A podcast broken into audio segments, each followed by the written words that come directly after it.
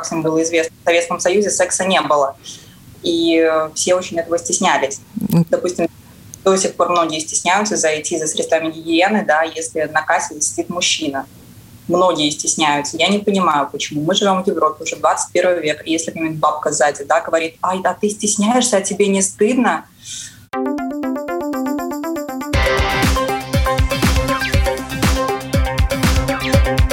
Поколение Z. Здравствуйте, с вами Марина Талапина, режиссер программы Даниэль Йоффе. Спасибо огромное, что подписываетесь на нас и слушаете наши подкасты. Сейчас это можно делать уже на всех платформах, включая Spotify, Google и Apple подкаст. И, конечно, то, что вы заходите на наш сайт э, э, и э, смотрите нас в Ютубе. За это отдельно вам спасибо, потому что лайков э, в наших программ, у наших программ э, прибавляется, и это очень приятно и полезно. И, конечно, я призываю вас всех писать нам. Можете находить также меня лично и на Фейсбуке, и в Инстаграме, и предлагать свои темы, потому что все темы, которые у нас предлагают, предлагают сами ребята, и эту тему тоже они предложили. И сегодня у нас продолжение темы секс секс культ просвет. Расскажите мне о сексе. Сегодня мы сделаем акцент на контрацепции. Я рада представить с нами на связи Леонард Теснов. Всем привет. Мадера Иверта Орлова. Здравствуйте. Милана Дедович. Добрый вечер. И э, мы решили освещать эти темы с экспертами. Я рада представить, у нас сегодня эксперты из Германии. Наталья Бринкель, врач-гинеколог, онколог, совладелец частной практики в Берлине. Наталья, добрый день. Добрый день. Спасибо большое, что присоединились к нам, потому что ваше мнение для нас очень ценно. Мы хотим рассказывать об этой щекотливой, деликатной теме, потому что все уже пришли к тому, что говорить об этом со школьниками надо, с подростками надо говорить об этом, с детьми надо говорить об этом, но вопрос, как об этом говорить, он на сегодняшний день э, не только в Латвии, в разных странах остается открытым. Вот я хочу начать, наверное, с того, что поделиться с вами своим опытом. Вот когда я училась в девятом классе, девочек отправили на осмотр к гинекологу. Это было большим стрессом как для меня, так и для моих одноклассниц, потому что нам вообще не сказали ни зачем мы туда идем, ни что с нами там будут делать. Вот. И мобильных телефонов тогда еще не было, маме позвонить и предупредить, что мы туда идем. И вообще, мама, может быть, ты меня спасешь, и мне туда не надо будет идти. Такой возможности не было. Вот, мама, конечно, потом все объяснила, рассказала, успокоила. Но, тем не менее, вот хочется девчонки, узнать у вас, если эта тема для вас такая, ну, вы не захотите поделиться опытом, это, безусловно, ни в коем случае не надо, да, ну вот как вообще вот эту тему вы восприняли? Первый поход к гинекологу? Или, может быть, какой-то опыт был у ваших подруг, которым вы готовы поделиться, безусловно? Ну, тогда я начну. А, я первый раз ходила, когда мне было лет 15. Мне просто мама сказала, надо идти, все, без вопросов, вопросов или что. А, это было не травматично. Я знаю, что у моих подруг это было, может быть, иногда очень особо приятно, потому что всякие вопросы там очень неудобные. Но я ходила вместе с мамой, и она меня поддержала, сказала, что все будет хорошо, это не страшно, все в порядке. И да, что мое впечатление первый раз это был, ну, нормальный. Милана, а, ну, у меня история была немного поинтереснее, чем у Мадеры, к сожалению, да, и как раз-таки очень хорошо относится к данной теме сегодня. А, первый мой поход к врачу такого характера, когда а, я оказалась в положении, к сожалению. Вот, а, и меня туда записал а, отец а, моего хорошего друга, чтобы я пришла на осмотр и уже встала как бы в зеленый ряд. И тоже впечатления были не самые хорошие. Ходила я одна, попалась на коронавирус, и, а, к сожалению, было ну, не очень приятно. Особенно еще и так попасть. Вообще, э, тема о том, что есть врачи женские и есть врачи мужские, эм, а, она вот когда для вас э, стало известно, что у девочек свои врачи, у мальчиков свои? Леонард, я вижу, тебе есть что сказать. Да, это была детская история, условно. Мы в школе баловались, по типу прикалывались по поводу того, что кому-то надо отправить к венерологу и так далее. И я потом начал сомневаться, все ли мы правильно говорим и так далее. И сделал такой секс-просвет для одноклассников, что три разных врача и по трем разным направлениям. Каждому свой. Да. Заболеванием свой, мужчинам свой, женщинам свой. Да. А да. заболевания ходят, пускай сами к врачам, да? Наталья, конечно, хочется спросить у вас, как это вообще происходит в Германии и как это может происходить этично, тактично и правильно для детей? Ну, я думаю, что подростки во всех странах одинаковые, но, может быть, все-таки уровень образования у подростков разный. Ко мне, в принципе, в основном приходят девочки э, с мамами в лет 12-13, их приводит действительно мама. И здесь э, у них никакого страха нету, потому что мама объясняет, что вот э, я хочу с тобой сходить, э, у нас он называется женский врач, а не гинеколог, женскому врачу, чтобы посмотреть, все ли нормально. И вот в основном они приходят и разговаривают с нами. Э, я спрашиваю, началась ли уже менструация, менструация, не началась менструация, регулярная она, нерегулярная, потому что э, не у всех девочек 12 лет она уже началась, а у тех, которых началась, конечно, им нужно много времени еще, чтобы она э, все-таки вошла в тот уровень э, довольно взрослой женщины, когда можно сказать, что никаких проблем нету. Мы разговариваем про выделение из влагалища, потому что это тоже очень-очень большая тема, и не все девочки и даже их мамы знают, что есть выделение из влагалища, и что это нормально, и что это не сразу молочница, которую нужно лечить, лечить. И мы спрашиваем у девочек э, начался ли уже сексуальный период или нет. Конечно, все девочки по-разному развитые. Есть те, которые смеются и говорят, о, нет, мальчиками у меня еще ничего нет. Есть те, которые постарше говорят, «Э, да, в принципе, мне нравится тот или тот, и вот мы уже целовались и занимались петингом. Но здесь, конечно, уже начинается вопрос, только ли петингом и хотят ли они, чтобы мама осталась. Некоторые не хотят это при мамах говорить. Ну, а довольно большое большое все-таки количество девочек оставляют свою маму то здесь и говорят, э, да, э, мы вот подумаем с моим э, другом уже начать там заниматься сексом, эм, и тогда мы разговариваем про контрацепцию. Очень часто, когда девочкам уже 14-15, мама приходит и приводит девочку и говорит, вот я знаю, что она занимается сексом, и я хочу, чтобы у нее была хорошая контрацепция, пожалуйста, давайте мы проговорим про таблетки так как э, здесь в Германии противозачаточные таблетки действительно такое очень распространенное средство э, предохранения от беременности, в принципе, беременность э, подростка — это то, что нужно предотвратить всеми руками и ногами, потому что я считаю, что беременность у подростка очень-очень редко бывает действительно такой э, долгожданной, потому что они, в принципе, только-только начали жизнь, и поэтому здесь, конечно, когда э, мама здесь разговаривает, мы действительно разговариваем про таблетки, потому что э, в применении для молодых девушек они все-таки самые удобные. Ну, а девочки лет 14-15 и старше, они уже приходят сами и говорят, что вот э, они уже э, здесь пробовали, это пробовали, и э, они хотят все-таки такое так, такой вид, который может быть подольше, э, чем просто таблетки, потому что таблетки мы частенько забываем, и тогда мы уже говорим о других видах, которые есть. Но в первый раз мы никого, никаких девочек не садим на стул, не заставляем их раздеваться. Первый раз, когда девочка приходит или девушка приходит к гинекологу, это, конечно, тот раз, когда мы с ними разговариваем, а не смотрим там чего-то. Ну вот вообще, э, девчонки, Леонард, я хотела вас спросить, когда с ребенком надо говорить о том, что есть врачи, есть женские врачи, есть мужские врачи, и ну, вообще, чтобы ребенок начинал готовиться к тому, что ему надо будет ходить э, к врачу женскому, мужскому, как к зубному для профилактики, для того, чтобы контролировать, что у тебя со здоровьем все в порядке. Кто начнет? Ну, давайте, может, я начну. Мне как раз актуально. Давай, ладно.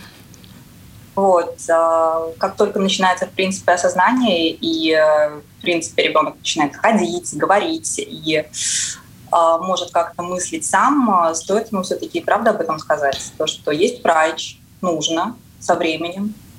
Почему нет? Потому что, я считаю, что с ребенком стоит разговаривать вполне себе нормально и без запретов или без какой-то вуалированной, скажем так, э, темы, чтобы он понимал об этом сразу. Ну да, вот очень странно, что эта тема табуирована, да? Казалось бы, это касается напрямую здоровья, безопасности и всего остального, а эта тема, тем не менее, вот, например, в нашем обществе, скажем, я думаю, что я не за скоруслых взглядов, но эта тема табуирована, даже по поводу врачей, да? Ну да, потому что мы живем, в принципе, в постсоветском пространстве, и, как всем было известно, в Советском Союзе секса не было. И все очень этого стеснялись. Допустим, до сих пор многие стесняются зайти за средствами гигиены, да, если на кассе сидит мужчина. Многие стесняются. Я не понимаю, почему. Мы живем в Европе уже 21 век. И если какая-нибудь бабка сзади да, говорит, ай, да ты стесняешься, а тебе не стыдно? Ну, скажу так, постыдились бы рот открывать. А так это сейчас считается, в принципе, нормально. Мадара? Ну, я тоже думаю, что об этом говорить э, ребенком надо чем лучше, э, чем раньше, тем лучше потому что, как вы сказали, это тоже такой врач, как зубной или другие виды врачей. Так что, да, я думаю, что ребенок не, не глупый, ему надо узнавать этот мир и сказать, что есть такие врачи, есть такие, надо идти хотя бы один раз в год, надо делать. Так что, да, чем раньше, тем лучше. Леонард, я думаю, что ребенок должен знать это к годам так 15-16 гаранти... а, к 14-15 должен, должен прекрасно это понимать, то, что есть такой врач, это все нормально. Но сейчас для меня стало только что открытием, что этого врача посещать каждый год. Я, я напугала тебя и шокировала этой информацией. Что ты а... испытываешь? Ну, я, я просто не знал этого вопроса. А, поэтому... Ну, конечно, может быть, в раннем возрасте там каждый год ходить не надо. Нам сейчас об этом а, лучше, наверное, расскажет Наталья, да, но то, что ходить к этим врачам надо регулярно, и уже потом уже по взрослению в связи с тем, что ты будешь взрослым, вести ну, полноценную жизнь во всех смыслах, конечно, надо ходить и регулярно проверять свое здоровье. Чекапы такие делать.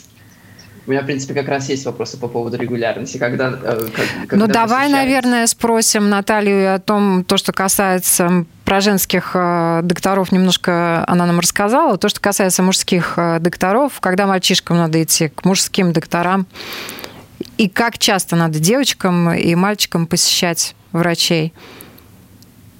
Ну, давайте начнем с мальчиков. Здесь я действительно а, могу сказать, что а, мальчики не так часто ходят к урологам, а, как девочки к гинекологам. Это действительно не совсем и, и нужно, потому что у них просто нет столько проблем, сколько у нас девочек, если на то пошло. Конечно, если у мальчика есть какой-то дискомфорт, если у мальчика есть какие-то проблемы при мочеиспускании или при эрекции, тогда стоит сходить к урологу урологу. Просто так ходить к урологу каждый год, я, дум, я думаю, не стоит, и это и у нас э, в Германии не принято, потому что он просто не будет знать, что с вами делать. Но это действительно так, потому что ну, просто действительно у мальчиков меньше проблем. Конечно, есть э, э, определенные э, проблемы в урологии, но они обычно возникают уже раньше, до 14-15, и это знают обычно мамы, допустим, когда именно допустим, э, э, вот этот вот э, открывается. кожица вокруг пениса, да. да, она не открывается, или там, я не знаю, отверстие вот именно мочеиспускания маленько повернуто. Здесь это уже, но я говорю, эти проблемы обычно уже знает мама, потому что они обычно с ними уже намучились, и поэтому здесь мальчикам к урологам только в том случае, когда у них начинаются проблемы. В принципе, с девочками, с девочками до 20 лет это тоже действительно приблизительно так. Первый раз э, нужно сходить, э, этим у нас занимаются именно детские врачи, насчет прививки эм, э, ВПЧ, да, э, вирус папилломы человека. Так как у нас в Европе эта прививка делается с 9 до 14 лет, у нас занимаются этим детские врачи. Э, и только тех, для, у которых родители против прививки, они потом приходят действительно или к домашним врачам, или гинекологам, ну, если совсем прямо приспичило, то к урологам. А так, э, поход девочки к гинекологу примерно в 13-14 лет, это у нас довольно нормально, потому что они все приходят и хотят э, э, какой, какой-нибудь вид контрацепции. Регулярные э, посещения гинеколога, вот чтобы посмотреть, как там влагалище, как посмотреть, э, как выглядит там клиторис или еще что-то. В принципе, это тоже не надо, потому что это, во-первых, э, у, у девочки, если у нее э, достаточно регулярная менструация, если у нее нет никаких проблем, если у нее не чешется, не пахнет, то зачем травматизировать этого ребенка и садить ее на стул, если ей это не надо? Э, если, конечно, есть какие-то проблемы, то девочка может всегда прийти. А так, если она начинает принимать э, противозачаточные таблетки, то мы хотим эту девочку один раз в год видеть. Регулярные посещения гинеколога у нас начинаются в 20 лет. И девочки приходят каждый год, и мы берем мазок шейки матки, смотрим, есть там какие-то изменения или нет. Мы, конечно, смотрим на грудь, ощупываем грудь, показываем, как грудь нужно ощупывать, э, и э, спрашиваем, есть ли какие-то проблемы э, по поводу выделений, по поводу секса, есть ли какие-нибудь уже мысли о беременности. Ну, скажем так, у 20-летней девочки очень редко есть мысли о беременности, поэтому это откатывается уже примерно годам 35. И это все происходит до 35 Э, лет. От 35 лет девочка, это уже женщина, приходит к нам каждые три года и берет мазок шейки матки, но мы все равно предлагаем ей каждый год приходить, просто чтобы смотреть, есть какие-то изменения, нету. Ну и, конечно, беременность – это само собой разумеющееся. Вот как правильно подготовить ребенка к первому профилактическому осмотру? Какие-то рекомендации есть? Девчонки, вообще, что бы вы хотели узнать до того, как пошли к врачу? Гинекологу? Ну, наверное, хотелось бы увидеть, как, ну, точнее, узнать, как проходит сам осмотр и сам прием, чтобы уже понимать, к чему готовиться. Поэтому моральная подготовка, даже не поддержка. Да, чтобы сказать, что это не так страшно, что все в порядке, ты потом будешь еще жить, жизнь продолжается потом. Эм, в принципе, в принципе, да. Э, э, во-первых, я считаю, нужно, так как есть гинекологи женщины и гинекологи мужчины. Для себя просто нужно решить, кому я хочу пойти, к женщине или к мужчине. В принципе, все гинекологи хорошие, и э, я даже иногда считаю, что есть такое мнение, что даже мужчины иногда э, более понятливы для женщин, чем женщины. Но это разные мнения есть. Э, во-вторых, когда вы первый раз, в принципе, приходите к гинекологу, э, то никто вас на этот стул не садит и никто никуда ничего не засовывает, эм, а просто с вами разговаривают и хотят узнать, что вообще вас к нему привело. И просто так профилактически прийти к гинекологу, это я тоже считаю такое дело, поставить галочку. Ну ладно, я был, слава богу. Э, лучше, конечно, приходить к гинекологу, когда, когда вы для этого этого созрели. Это примерно как первый секс. Просто так к нему прийти и посмотреть, какая-то приятная женщина или как, какая неприятная, это просто зря выкинутое время. Да? Если вы уже созрели для того, чтобы вести половую жизнь, то вы созрели и к походу к гинекологу. Потому что тогда мы можем разговаривать э, на равных. Да? То есть не я сижу такая большая взрослая женщина, объясняю тебе, как там что работает, а э, мы сидим и разговариваем как две женщины, мы разговариваем о видах видах секса, о видах контрацепции, что важно при этом. И, конечно, я считаю, что здесь гинеколог маленько имеет такую определенную роль, особенно когда я гинеколога не совсем знаю, я могу задать этому гинекологу намного больше вопросов, чем, допустим, даже иногда маме или там учительница, потому что если вдруг что, и она мне не понравилась, или мне потом стыдно стало, я никогда больше к ней не приду. То есть это такой как маленький эффект поезда, да? Я пришел, узнал, что надо, и ушел. И, в принципе, если, как говорится, все хорошо прошло, и мне понравилось, я, может быть, приду, а может быть, и не приду. Э, и, в принципе, я не знаю, конечно, как это у вас, у нас в Германии я могу э, врачей менять как перчатки. То есть сегодня я сходила к одному, завтра к другому, послезавтра к третьему. А так, конечно, в основном, если уж совсем честно, девочки, которые ко мне приходят, и первый раз я действительно сажу их на стул, я все время рассказываю, что я буду делать. Э, я обязательно говорю, что если что-то не нравится, обязательно мне об этом сказать. И я не смотрю девочку э, именно во влагалище, если у нее никогда не было секса. Это вообще не имеет смысла никакого, потому что у нее ничего такого не может быть, чтобы я там нового увидела, если у нее нет никаких проблем. Но это отдельная совершенно история, и эти девочки обычно знают, что у них есть проблема. А так, в принципе, э, я могу только посмотреть внешние половые органы, посмотреть, все ли там в порядке, показать ей этот стул, чтобы она в следующий раз э, не пугалась. А так, если мне действительно нужно посмотреть, есть ли киста там, допустим, или еще что-то, или живот болит, то я могу это, в принципе, сделать с УЗИ через живот. Поэтому гинеколога бояться не надо, мы все не очень страшные. Очень даже симпатичная. А вот хочется у вас спросить, в вашем подростковом возрасте вы из медицинской семьи, вы все про это знали, когда первый раз встретились с гинекологом? Или тоже были какие-то смешные истории? Вообще, зачем, э, как, как вы выбрали специализацию-то?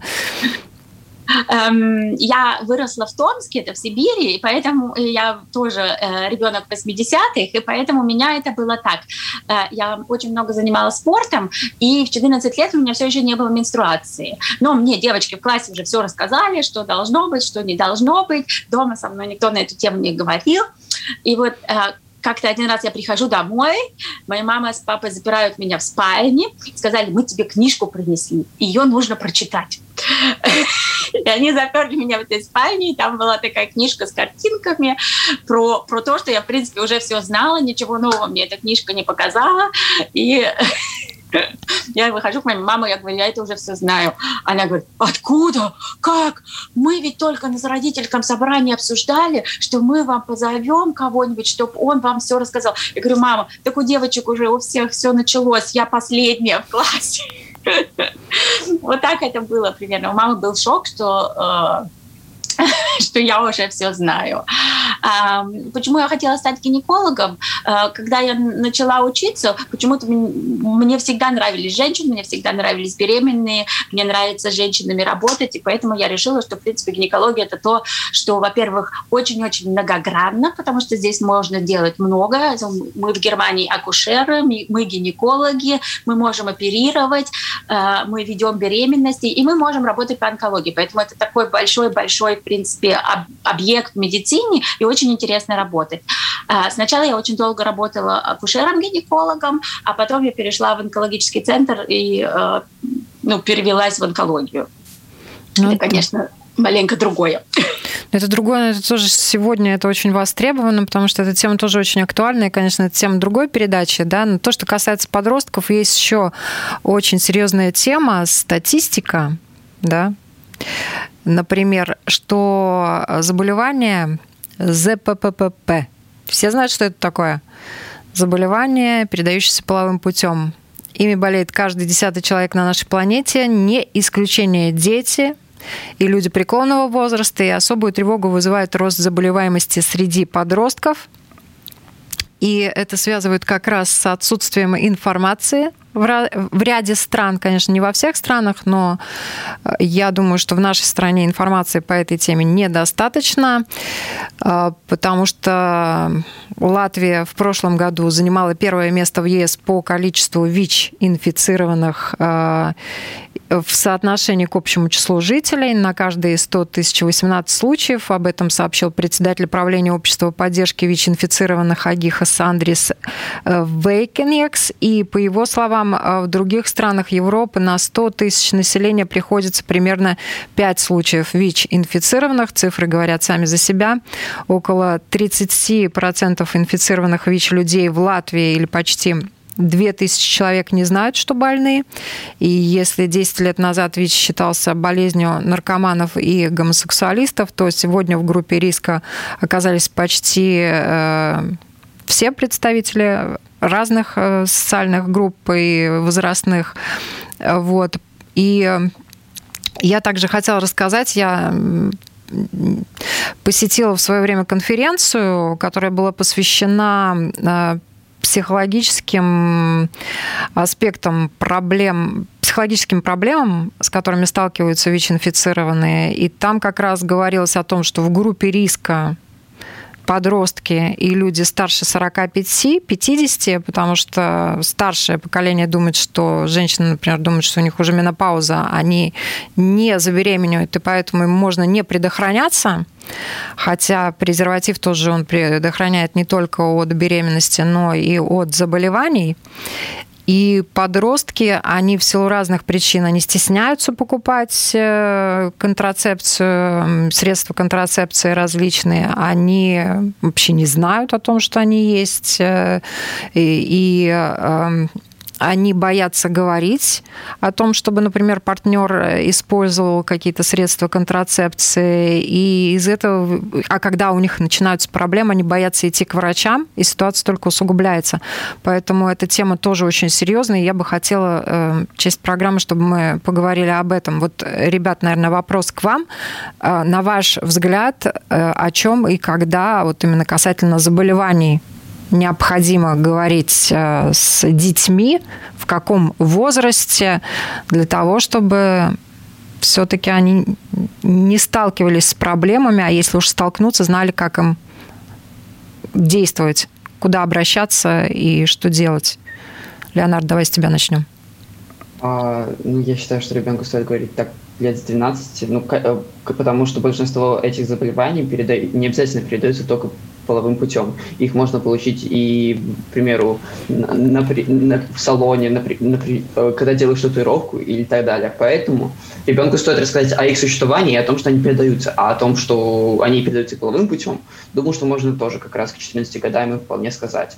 Э, также надо, наверное, ребенка подготовить к тому, что если вдруг что-то не то, то, то можно обратиться к родителю с этим вопросом, и не будет ничего плохого, типа, и все будет нормально. Ну, наверное, надо все и все-таки, наверное, надо ребенка попугать всякими там страшилками в этом плане. Такие разные это, фильмы это... ужасные показать, да? Да. Можно и так. Но хотя это, наверное, неправильно. Но тут вот очень важный момент тоже, как рассказывать, что рассказывать, потому что, к сожалению, те подростки, о которых шла речь а, на конференции, там приводились истории, а, там были очень тяжелые э, психологические последствия травмы, э, и с ними работали психиатры тоже э, ребятами, потому что а, даже вот в такой ситуации близкие далеко не все готовы принимать ребенка с его проблемами. Некоторые отказываются от своих детей, от помощи им. Это ужасно. Девчонки, девочки, ваше мнение? Ну, я могу поделиться своим опытом, когда я э, узнала, что есть такие болезни, что такое. Это был, кажется, шестой класс, тогда у, на, ну, к нам в школу приехали из организации «Папа Дезец». Кажется, они рассказывали, что это, что этим всем делать. Это было увлекательно, познавательно, ну, в раннем возрасте, там, в шестом, шестом классе тебе рассказывали, что есть такие вещи. Ну, вот, так что, да, я тоже думаю, что это тоже вопрос, который надо поднимать уже раннем возрасте, что да, не только э, с полового акта можно получить такое заболевание, но да, так что да. Милана. А, я думаю, что стоит немножко раньше, потому что даже если половым путем это все передается, то а, кто-то начинает жить раньше, чем в 14 или в 13, да, встречаются и такие случаи. И, допустим, сейчас дети развиваются тоже самое быстрее, это уже на примере вижу, да, как бы. И э, на самом деле лет с 10, класс 4 получается, как раз когда он переходит уже в нормальную среднюю школу, в принципе, можно об этом уже рассказывать. Чтобы даже если порезался, там, чтобы не попало ничего в кровь, а у кого-то начинаются там задумки первые о каких-то, может быть, рисунках на теле.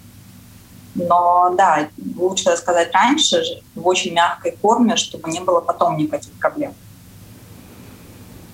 Наталья, тут, конечно, очень хочется услышать вас, как э, это происходит, может быть, в Германии, и кто это рассказывает. Это идет через семью информация или в школах э, проводятся уроки. Вот то, что касается папа детства, это, конечно, очень хорошая такая у нас организация действует, которая работает со школами, но это далеко не во всех школах происходит, даже на сегодняшний день, правильно? Вам слово, Наталья. Ну, я, наверное, расскажу чуть-чуть, как это происходит в Германии. В принципе, э, у нас дети обучаются этому в школе. Э, у нас есть два момента, когда детям рассказывают о э, сексуальном образовании или вообще о них. Первое — это в третьем классе, это детям примерно 8-9 лет.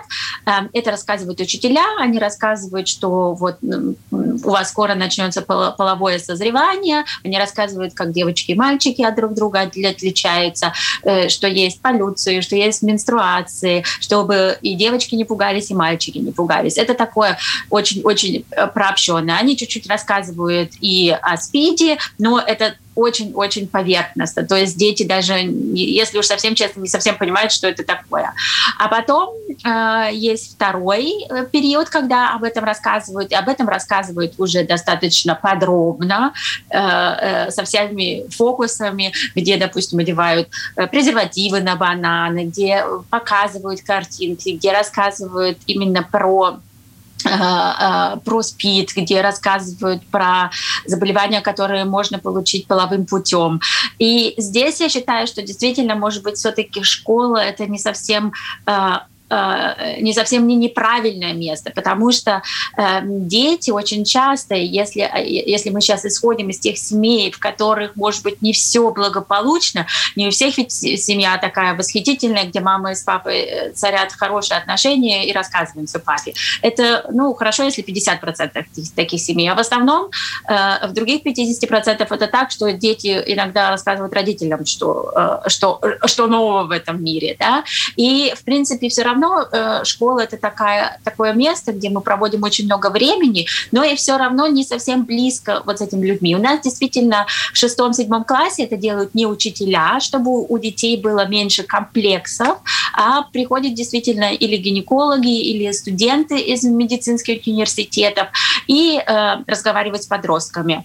Там э, есть очень э, интересные концепты, что они и делят класс, и девочки разговаривают. Очень э, сильно все-таки э, на данный момент мы стараемся девочкам дать больше уверенности, что, э, что девочки это не просто э, девочки и э, самая красивая половина человечества, а что у девочек должно быть свое слово, что девочка может сказать нет, и что это нет должно слушаться, и нет не только если она э, рыга, э, ну, там старается как-то физически нет сказать, но если она просто сказала нет словесно, что это тоже это, что у нас сейчас идет борьба, чтобы мы переименовали наши половые органы, потому что они у нас называются губы стыда и, и, и э, волосы стыда, если их перевести с немецкого на русский, и что это не совсем, э, как говорится, э, подходит в наше время, поэтому здесь идет кампания, чтобы просто усилить э, именно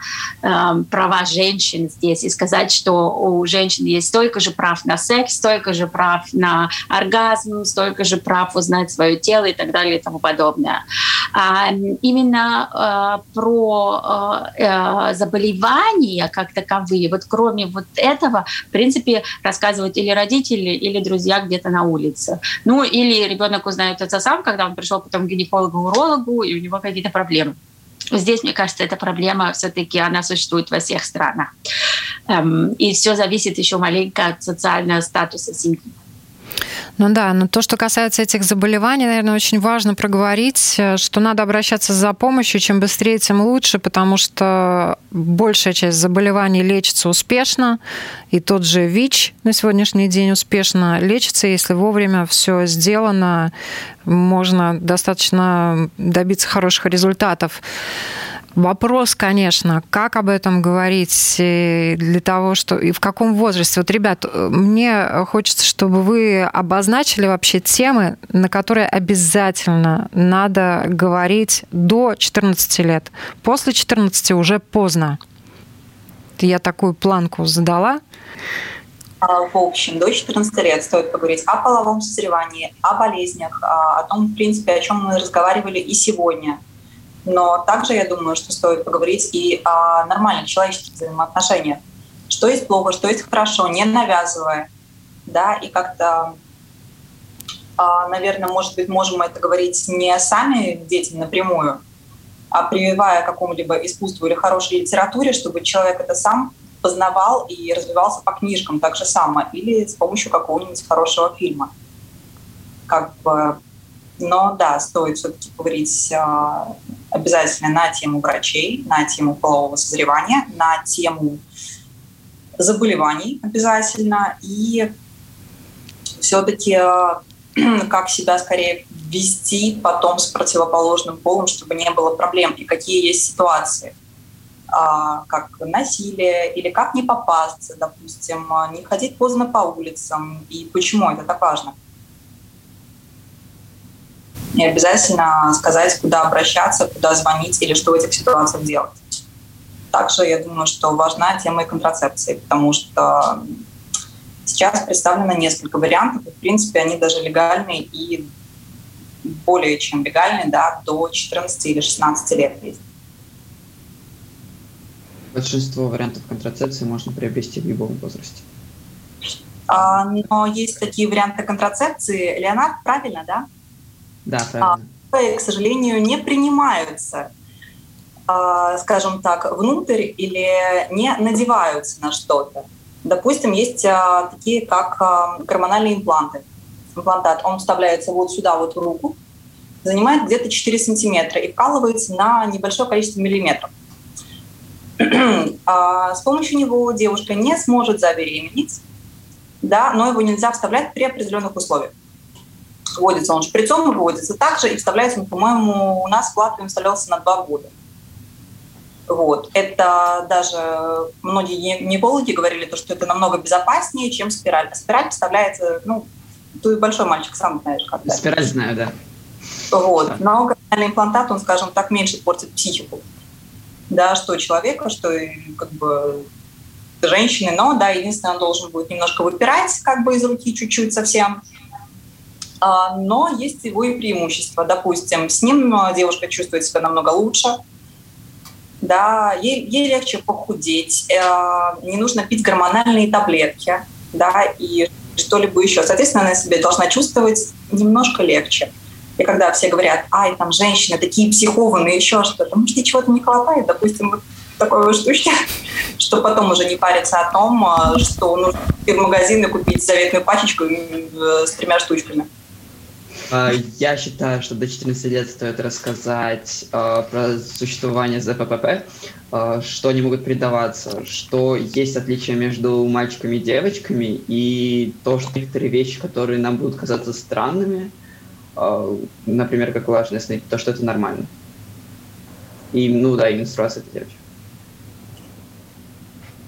Я могу только согласиться с э, всем, что сказали. И главное, говорить это без стыда, без э, что-то это что-то плохое, и что и еще что-то.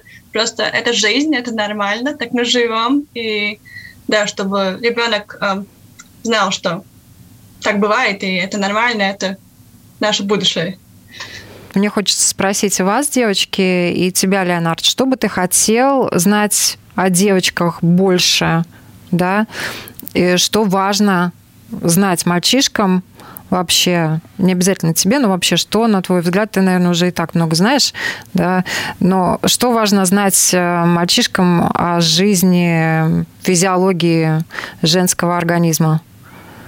Я считаю, что разделять это неправильно, потому что и такое мнение бытует в интернете, потому что многие, к примеру, мужчины боятся купить ватки или тампоны. И это бредятина, по-моему. Это просто средство личной гигиены, настолько, насколько и салфетки. А, и вот, к примеру, о том, что у женщин существует менструальный цикл, я узнал в 16 лет, когда начались шутки про ПМС, и я решил загуглить, так, что, так все же, что же значит эти долбанные три буквы. Поэтому, по-моему, не стоит разделять, потому что все, все равно в любом случае у, будут дети, и, возможно, э, как, все равно это, возможно, придется рассказывать детям. Так, зачем лишний, лишний, раз, лишний раз морок, можно сразу всем рассказать. Девчонки, чего, какой информации, на ваш взгляд, женской половине в раннем возрасте не хватает э, в плане знаний о мальчишках, о мужчинах? Ну, скорее, наверное, об их физиологии а, немного, потому что девушки тоже очень часто стесняются чего-то. Или, допустим, ты пришел рано утром в школу, да, а мальчик только-только с просони, и ты не понимаешь, а он пришел в спортивных штанах, а что это такое там? Многие там стесняются еще как-то. Или э, так же самое, вот у друзей бывает такое. Они обнялись, да, и ты не понимаешь, что-то там находится на уровне, и почему это непривычно. Да, как бы, чтобы не было такого момента смущения. У мальчиков и ломается голос тоже. Многие тоже этого пугаются. Да, и почему бы не рассказать все сразу? Но, да. Мадра, есть что добавить? Я просто рада, что э, они так хорошо все высказали, что я могу только согласиться, говорить «да, да». Наталья, я думаю, есть что добавить. И вот у нее тоже наверняка свое мнение и свое, да. свое видение. Есть. Э, здесь я хочу сказать насчет разделения. Э, в принципе, э, здесь я за ту теорию, что мы действительно сначала все рассказываем мальчикам и девочкам, но есть такие моменты, когда дети в определенном возрасте еще не готовы с друг другом на эту тему говорить. И я сейчас говорю именно про немецких детей, поэтому происходит в шестом классе, им примерно 11 лет, допустим, про мастурбацию, что это нормально. Да? Also, девочки в 11-12 лет еще очень неохотно говорят о мастурбации. Э, мальчики уже обычно все равно что-то видели, где-то была полюция. Э, если мы уже о мальчиках постарше разговариваем, то они этим занимаются, и это важно. Но нужно и сказать, что и мастурбация — это, в принципе, довольно нормальный процесс, и он, его должна пройти и каждая девушка, и каждый мужчина, потому что это очень помогает сексуальной жизни жизни. А сексуальная жизнь — это все-таки та часть жизни, которая принадлежит к нашей жизни, которая очень-очень важна и которая должна быть, и она должна доставлять нам очень много удовольствия, не только горе о котором мы сейчас, о котором мы говорим. Но то, что а говорят, вторая... я добавлю, вот то, что касается секса и удовольствия, врачи, медики, которые занимаются и искусственным оплодотворением и разными репродуктивными технологиями, они говорят, что в будущем вообще секс будет только для удовольствия, а рожать все будут э, или в инкубаторах, э, или еще каким-то другим образом. Да? Я прошу прощения, что перебила.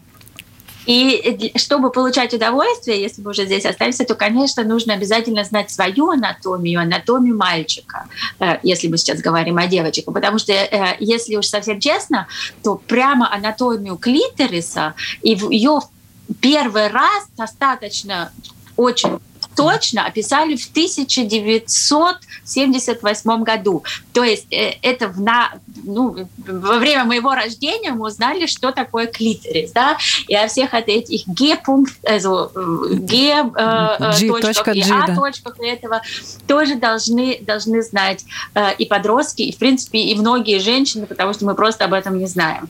А второй очень-очень важный пункт э, – это порнография это порнографические фильмы, это, э, это э, вещь... Э, это те вещи, которые посылаются или через, через WhatsApp или видео. Э, э, нужно знать, что порнография делает зависимым. И об этом нужно говорить с детьми. И у нас это действительно в Германии большая проблема, потому что дети становятся зависимы от порнографии. И что то, что показывается в порнографии, это в принципе нереально. И это не, это не настоящая жизнь. Нету таких женщин, у которых вот такие вот груди, вот такие вот попы, и все им приятно, и лучше с тремя и с четырьмя, и с любого ракурса, вопроса, и, и э, у мальчиков не будет такого большого стремления быть, и там, я не знаю, 10 тысяч пост попробовать за один раз. А, вот это вот обязательно нужно с детьми проговаривать, потому что а, вот именно распространение порнографии происходит уже в достаточно маленьком возрасте. Я знаю, что, допустим, моему сыну 10, и ему уже приходили такие видео э, э, на телефон, поэтому это очень-очень опасно. Об этом нужно с детьми, с подростками разговаривать, что это ненормально, это просто индустрия, и это такой же, как э, нет, как говорится, такой любви, как мы видим иногда в фильмах, э, и до нее тоже надо дожить, и что это все очень-очень искусственно. Я считаю, что это будет очень большая проблема нового поколения которая у нас растет. Одна из наших программ, она будет также посвящена а, порнографии. Я надеюсь, что вы тоже примете в этом участие, потому что там есть о чем говорить и с разных ракурсов а, рассматривать, какие последствия это несет. Там большой пласт проблем сразу вскрывается. Спасибо огромное а, вам за то, что приняли участие, потому что это тема такая, для которой нужна некоторая смелость, не только любопытство. Да? Любопытство залез в интернет интернете узнал, да, если знаешь, где искать. А вот э, смело об этом говорить, это тоже очень важно. И главное, о чем наша программа также, и я сказала об этом в начале программы «Секс-культ просвет». Вот мы учимся сами, и, надеюсь, э, поможем понять другим, как об этом говорить открыто, корректно, но информационно, чтобы у людей было, э, было достаточно информации, чтобы не попадать э, в глупые ситуации, в ситуации, из которых потом надо выходить очень травматично. Спасибо вам огромное за то, что приняли участие в этой сегодняшней программе. Я напоминаю, с нами Леонард Теснов, Мадера Иверта Орлова, Милана Дедович. И сегодня у нас был эксперт из Германии Наталья Бринкель, врач-гинеколог-онколог. Вот, спасибо вам большое. Добавлю лишь, что все глупости говорят, э, будто сексуальное просвещение побуждает заняться сексом. Я четыре года учила математику, но ни с кем математикой так и не занялась. Спасибо вам большое. Всем хорошего дня.